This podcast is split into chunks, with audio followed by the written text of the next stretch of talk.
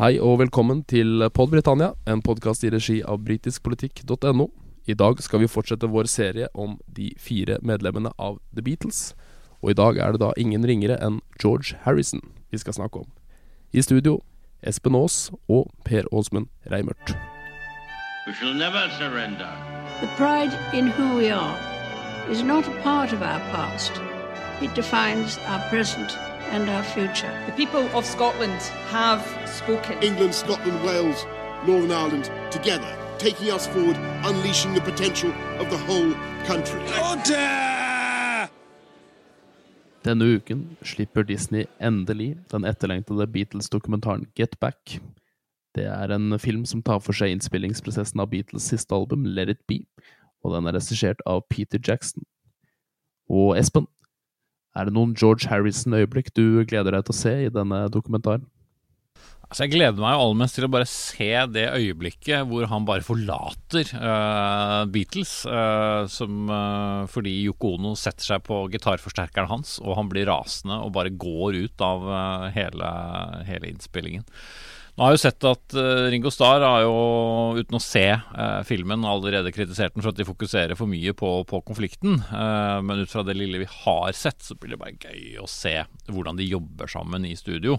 For dette er jo på et tidspunkt hvor Beatles har blitt så store at de klarer jo knapt å forholde seg til uh, utenomverdenen, og angivelig ikke til seg selv, men det kan jo se ut som de har det ganske gøy, da.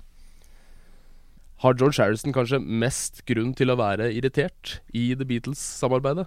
Ja, og på dette tidspunktet så var jo John Lennon og Paul McCartney mer og mer dominerende. De fjernet jo til og med noen av gitarsoloene til uh, George Harrison uh, og la på sine e egne ting. Og han slet jo veldig med å, å komme til uh, som, som, låtskriver. Uh, og for så vidt også Ringo Starr, men, men George Harrison var jo en kjempebra uh, låtskriver. Og han hadde jo skrevet noen av Beatles' aller kuleste låter. F.eks. 'Here Comes the Sun' og, og 'Something'. Men ja, det var, det var trangt om plassen. Er dette en periode hvor han begynner å virkelig finne seg sjøl som låtskriver? De låtene du nevner, de kom jo i liksom helt siste del av eh, Beatles-karriera. Abbey Road-albumet. Ja, øh, og han hadde jo egentlig gjort seg ferdig med Beatles. Det ble sagt at han øh, allerede før Sergeant Pepper var blitt lei av, av, Beatles. Lei av å stå i, i bakgrunnen og søkte helt andre ting. Både, både spirituelt, selvfølgelig, og Eh, begynte å orientere musikken sin eh, i helt eh, andre retninger, og, og, begynte åpenbart å tenke på et liv etter Beatles og uten Lennon McCartney. Denne spiritualismen som du nevner, er det primært pga. Harrison at Beatles får denne uh, oppvåkningen, altså grunnen til at de drar til India osv. Og, så videre, og kommer tilbake med alle disse innflytelsene?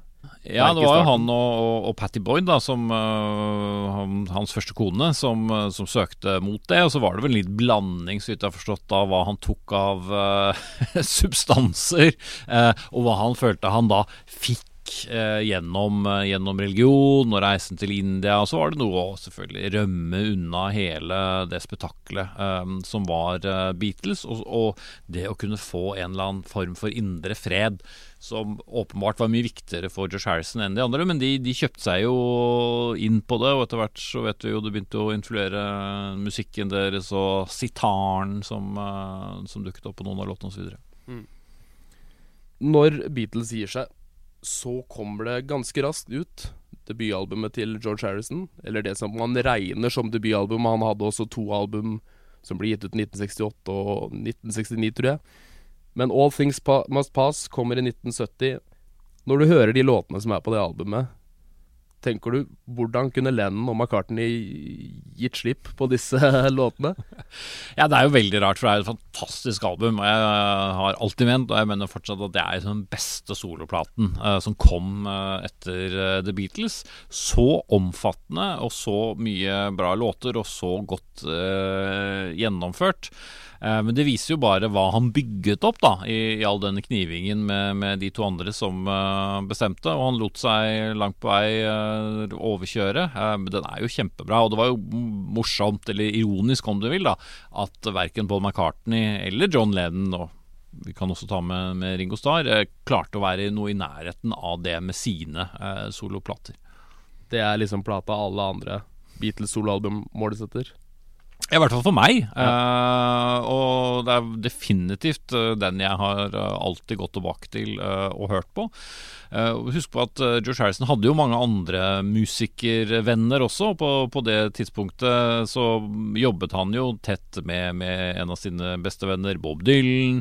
Roger McQueen hadde, og, og The Birds var jo kompiser av ham. Og, og Eric Clapton, til tross for deres litt sånn kronglete historikk på, på konefronten. Eh, han er jo med også på de platen, platene, uten at han var eh, kreditert for det eh, i den første utgivelsen, men han har jo fått kreditering uh, seinere. Eh, han eh, rett etter All Pass, året etter 1971, det er jo da herlighet 50 år siden. Da holder han en konsert for Bangladesh. Eh, har du sett noe på denne konserten? Jeg elsker jo den, eh, både konsertfilmen og, og hele platen. Primært kom kommer jeg vel inn på den pga. Av Bob Dylan, da, som eh, jeg har også en viss eh, hang til. Og dette regnes jo som den første eh, liksom store eh, benefit-konsert av det som skulle bli forløperen til f.eks. For da eh, Live Aid og mange ting som har kommet eh, etterpå. Og det var jo en stor flomkatastrofe eh, som, som rammet eh, Bangladesh. Det var jo Ravi Shankar, den gode sitarspillvennen vennen til George Harrison, som tok kontakt og sa vi må gjøre noe. Uh, og det var jo en krøkkete affære, men George Harrison var jo en mann med, med mange venner. Nevnt allerede Bob Dylan og, og Eric Clapton, som begge er med der. Samme er jo uh, Ringo Starr, Billy Preston, som jo han samarbeidet med, og som Beatles også samarbeidet med på, på, på Let It Be. Alle disse kom jo til. Og hovedtanken til George Harrison var jo bare at de skulle skape oppmerksomhet rundt uh, den katastrofen som hadde rammet eh, Bangladesh, men det ble jo til slutt uh, litt penger av det òg. Men eh, både på filmen og når man har lest om uh, konserten etterpå, så skjønner man at det var jo et, eh, et svare strev. Uh, Eric Clapton var jo så ruset at han visste ikke hvordan han skulle komme seg dit. Uh, Bob Dylan hadde sagt han kom, og dukket ikke opp. Og så dukket han opp i siste øyeblikk, og så hadde han noen øvinger sammen med George Harrison, og så bare Nei, jeg tror kanskje ikke jeg skal gjøre dette. Og George Harrison bare eh, Jo, det, skal du. Og det er jo noen fantastiske eh, opptredener der, absolutt. Ikke minst fra George Harrison selv. Var det en måte å- for Harrison å liksom skape seg sjøl litt etter eh, Beatles? Ja, og det, historien vil ha det til at blant annet eh, John Lennon bare Oi, hva, hva er det som, uh, som skjer her, liksom? Og han klarer da å, å skape seg et navn og gjør noe ingen egentlig har gjort før. Samler så store stjerner uh, og fyller opp da Madison Square Garden for uh, ett formål, nemlig uh, å skape oppmerksomhet og, og samle inn penger til eh, mennesker et helt annet sted i verden. 30. mai 1973 så kommer da 'Living in the Material World', hans andre soloalbum. Eh, Eller fjerde, alt ettersom hvordan du regner det. Ja. La oss kalle det andre nå. Det er da 30. mai 1973. Jeg har sjekka litt, Espen, og det, dagen etter, 31. mai 1973, så kommer du. Ja, faktisk. Var det verdt eh, ventetida? Det er jo litt rart å skulle eh, dykke ned i en, eh, en, en karriere hvor så mye ligger uh, før uh, min tid, så jeg burde kanskje timet det uh, en dag før og kommet sammen med, med, med plata til George Harrison. Men der er han jo på vei inn i en periode med, med mye morsomt. Og det, kanskje, det går jo lang tid før han får noe tilsvarende suksess som uh, All Things Must Pass. Da må vi jo langt opp uh, på 80-tallet. Men han orienterer seg jo mot mye annet òg, etter hvert. ikke sant, Mot film.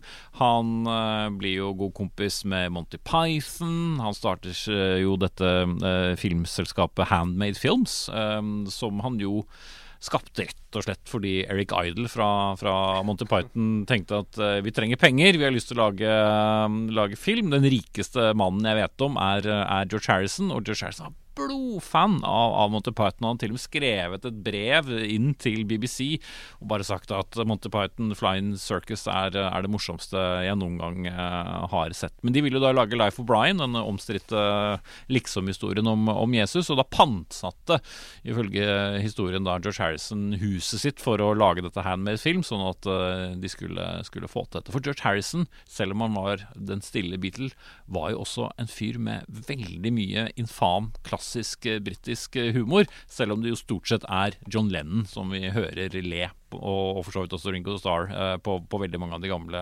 opptakene mens George Harrison var i bakgrunnen. Men han elsket den formen for humor som Monty Python sto for. Hvis vi går videre til du nevnte 80-tallet. Han har mange, mange album, og så piker det kanskje litt på nytt igjen med Cloud 9 i 1987. Det er da produsert av hans gode venn Jeff Lynn fra Electric Light Orchestra. Hvordan holder det albumet seg opp uh, i dag? En del av meg tenker dette var jo første av mange veldig irriterende album som kom ut, eh, som høres veldig like ut nettopp pga. hans gode venn eh, Jeff Lynn, da, frontfiguren fra Electric Light Orchestra, som hadde og har fortsatt et veldig sånn distinktivt uh, lydbilde på alt uh, han gjør. Men, men, det var jo en kjempekul plate. Uh, jeg var jo i midten av tenårene når den kom ut. Men alle husker jo uh, I Got My Mind Set On You.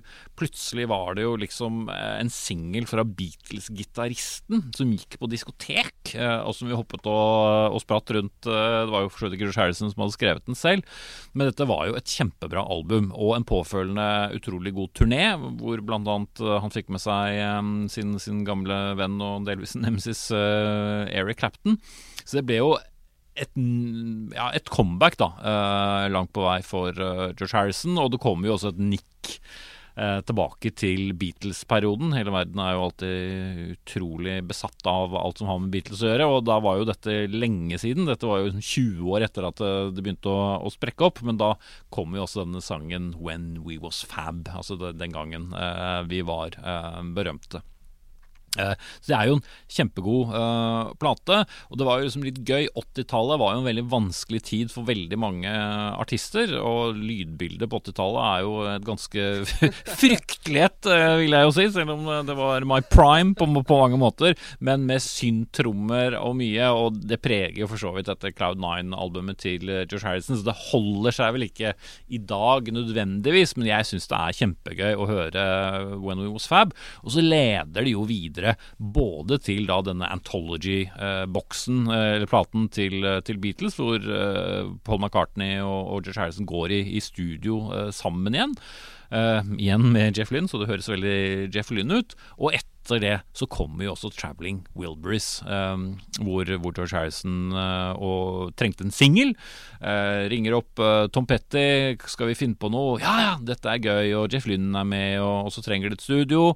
Uh, ja, Bob Dylan har et studio i garasjen i Malibu. Vi ringer opp uh, han. Uh, Dylan er med, og Roy Orbison er med. Og så får vi jo da supergruppen uh, Triangle Wilburys, som, som, George Harrison har, har langt på vei mesteparten av, av, skylda for. Og de gir jo ut en fantastisk plate nummer én, og en ganske god plate nummer to, som selvfølgelig het Volume 3. Uh, og George Harrisons morsomste kommentar synes jeg om den tiden For I motsetning til George Harrison så var ikke Bob Dylan i noen god periode på 80-tallet. Bob Dylan var helt fryktelig, både på scenen eh, og de platene han gitt ut, eh, var altså så lite gode. men dette vekket jo opp Bob Dylan igjen, og han fikk jo også en ny vår. Og, og George Harrison har sagt i ettertid at om ikke for noe annet, så var, var det et stort poeng med Trevor Wilburys. Det fikk nemlig Bob Dylan til å, å skrive sanger igjen. Denne Beatles-anthologyen du snakker om, som kom på 90-tallet, de spiller inn ny musikk. Eller de spiller inn ny, gammel musikk. De, det er vel Paul McCartney som drar til Yoko Ono. Spør om John Lennon har noe liggende. Han har tilfeldigvis noe liggende. Han får utdelt noen kassetter. Og på den så er det to ganske gode låter. Og da er det den bruker Jeff Lynn til å klare å bruke John Lennons stemme og pianoet til å legge på andre ting oppå da. Hvordan syns du jobben Harrison og, og Paul McCartney gjør der? Altså, jeg syns det var ufattelig spennende. Da Silent 'Free As A Bird', da, som er den, jeg synes er den beste av de to låtene. De spilte vel også inn tre, men uh, Josh Harrison nektet uh, at de skulle gi ut den siste, for han syntes den ble så dårlig. Men uh, det var jo fantastisk. Samtidig så var det midt oppi den perioden som jeg har litt sånn anstrengt forhold til, med den veldige Jeff Lynn-lyden, da. Det var jo Del Shan, Jeff Lynn selv, Roger McGuinn kom fra The Birds, kom ut med en ny plate, og alt hørtes utrolig likt ut. Men det var jo noe med Det hadde jo Det hadde jo det gått eh, veldig lang tid siden John Lennon ble skutt, og enda lenger tid siden Beatles eh, var eh, noe som helst. Så det var jo veldig spennende det at man hadde fått det til. Men så var det litt sånn rart òg, da. Skal man hente inn noe John Lennon hadde liksom liggende og slengende hjemme, og så skal man legge på noe nytt. Men det er jo ikke noen dårlig låt. Nei, absolutt ikke. På Free As A Bird så hører du jo um, gitarferdighetene til George Harrison veldig. Der spiller han den slide-gitaren som han har blitt veldig kjent for. Mm, som jo først dukket opp uh, vel på All Things Must Pass, og da ble jo det på en måte varemerket til, til George Harrison, i tillegg selvfølgelig til den uh, sitaren da, som han uh, tok frem sammen med The Beatles. Hvor, hvor vurdert er han som en lead-gitarist? Det var jo på en måte slik han fikk fram stemmen sin mye tidlig i Beatles. Paul McCartney sa Herr George, her trenger vi et eller annet, uh, en takt eller noe med noe artig. Finn på noe, liksom. Ja, han er jo en, eh, en fantastisk gitarist, men samtidig så har han gjort det litt vanskelig for seg selv ut fra hvem han har samarbeidet med. Altså, Både John Lennon han var ikke noen lead-gitarist, men han var veldig glad i å spille gitar. Paul McCartney er en ganske habil gitarist og vil jo gjerne ha det på seg. Eric Clapton er en fantastisk gitarist, og de gjorde jo masse sammen. eh, Og hvem skulle da spille lead-gitar? Men eh, han er jo de gangene han slipper seg løs, både på de konsertopptakene jeg har hørt med, med, med George Harrison, og på en del eh, av platene, han kan jo virkelig eh, spille. Vi eh, går eh, videre til eh, et ganske forferdelig øyeblikk. Han ble da utsatt for et attentatsforsøk, George Harrison, i sitt eget hjem i 1999. Husker du noe av det her? Ja, øh, og det gikk jo et gufs gjennom alle da, da det skjedde. For selv om det jo da hadde gått øh, var det 18 år siden attentatet på, på John Lennon, så tenker man jo på det. Han ble knivstukket, uh, George Harrison. Uh, og man husker da selvfølgelig Mark Chapman og skuddene mot uh, John Lennon. Og i den dokumentaren som ble laget om George Harrison etter at han døde, så er jo det også et øyeblikk hvor hans kone snakker veldig varmt om det. Og George Harrison var jo så snill og så godtroende, ikke sant. Eh, og så plutselig blir, blir han angrepet, og blir jo veldig overrasket over at det i hele tatt kan, eh, kan skje. Han overlever, heldigvis. Til tross for uh, titalls eh, knivstikk. Ja, han ble jo veldig hardt skadd. Blant annet uh, treffet i lungen. Men uh, det, han er jo sjuk på dette tidspunktet. Han har kreft, og han eh, dør da to år seinere, i 2001. I en bolig i uh, California, eh, som Paul McCartney eier, faktisk. 58 år gammel. Hvordan var dette å miste nok et uh, Beatle? Nei, Det husker jeg utrolig godt. Jeg var jo da på jobb i, i NRK, og vi hadde jobbet som økonomi- og finansjournalist i, i Dagsrevyen da. Og vi hadde dekket i lang tid en svær industrisak eh, som rullet gikk rundt eh, Kværner og Aker, og den hadde da endelig landet. Og så var det en ganske rolig dag på, på jobb, og jeg satt på skrivebordet mitt på NRK, og så plutselig så kommer da den nyheten om at uh, George Harrison uh, var gått bort. Det var en fredag, jeg husker det godt, og jeg liksom bare sank sammen. Uh, og så gikk jeg umiddelbart i gang med å bare begynne å lete og lete i arkivene etter stoff om, om, George Harrison. Og så hadde vi en, en fyr her i NRK som heter Boje Banketun, som var en enorm Beatles-fan. men jobben hans var jo ikke å være på lufta. Altså Han var billedproducer, altså den som sitter og velger ut kameraer på de forskjellige store TV-seriene til NRK. Men han ble satt i gang med å eh, spike, eller altså legge stemme på da eh, nekrolog om, om, George Harrison, mens jeg drev og rotet gjennom arkivene det jeg kunne for å, å finne eh, gode bilder. Men det var utrolig trist, og det var veldig rart. Vi hadde Finn Bjelke, som den gangen fortsatt var i NRK, som kom i, i studio i Dagsrevyen etterpå. Og han slet virkelig med å, å, kunne snakke, for det var en veldig, veldig mørk sky uh, over alle da han gikk bort. Og jeg husker også Paul McCartney var, var veldig lei seg da han uh, kommenterte uh, at han hadde mistet da enda en Beatle. Han jobbet med et album før det her skjedde, og han ble ikke ferdig. Men uh, de fikk gitt det ut uh, med god hjelp av Jeff Lynne og Danny Harrison, som fullførte albumet. Åssen uh, er dette albumet? Det blir alltid rart når man gir ut uh, et album etter at noen har, har, gått bort, men det er jo et veldig bra album. Og han, Danny Harrison, i tillegg til å ligne utrolig mye på sin uh, far rent utseende, men så spiller han jo også veldig likt som uh, George Harrison. Det er jo som å høre han. Og ikke minst høres han jo helt lik ut. Ja, ja. Det er helt skremmende, egentlig, hvor like de er. og et annet stort øyeblikk i den forbindelse var jo også den minnekonserten som de gjorde for George Harrison, hvor Eh, hvor jo Danny Harrison står der uh, på scenen sammen med andre da Tom Petty og, Jeff Lynn, og de synger uh, Train Wilburys låt. Og Prince gjør jo kanskje den beste soloen i hele sin karriere på While My Guitar Gently Weep. Så hvis man ikke har sett den, så må man jo bare løpe til strømmetjenester og, og, og, søke opp den. så han ble jo satt uh, utrolig uh, pris på. Uh, Bob Dylan, som jeg også følger tett, fikk jo ikke vært med på selve konserten, for han var på turné, men han spilte jo da også en nydelig, nydelig versjon av 'Something' fra scenen til George Harrison, hvor han bare sa 'We were such good buddies'.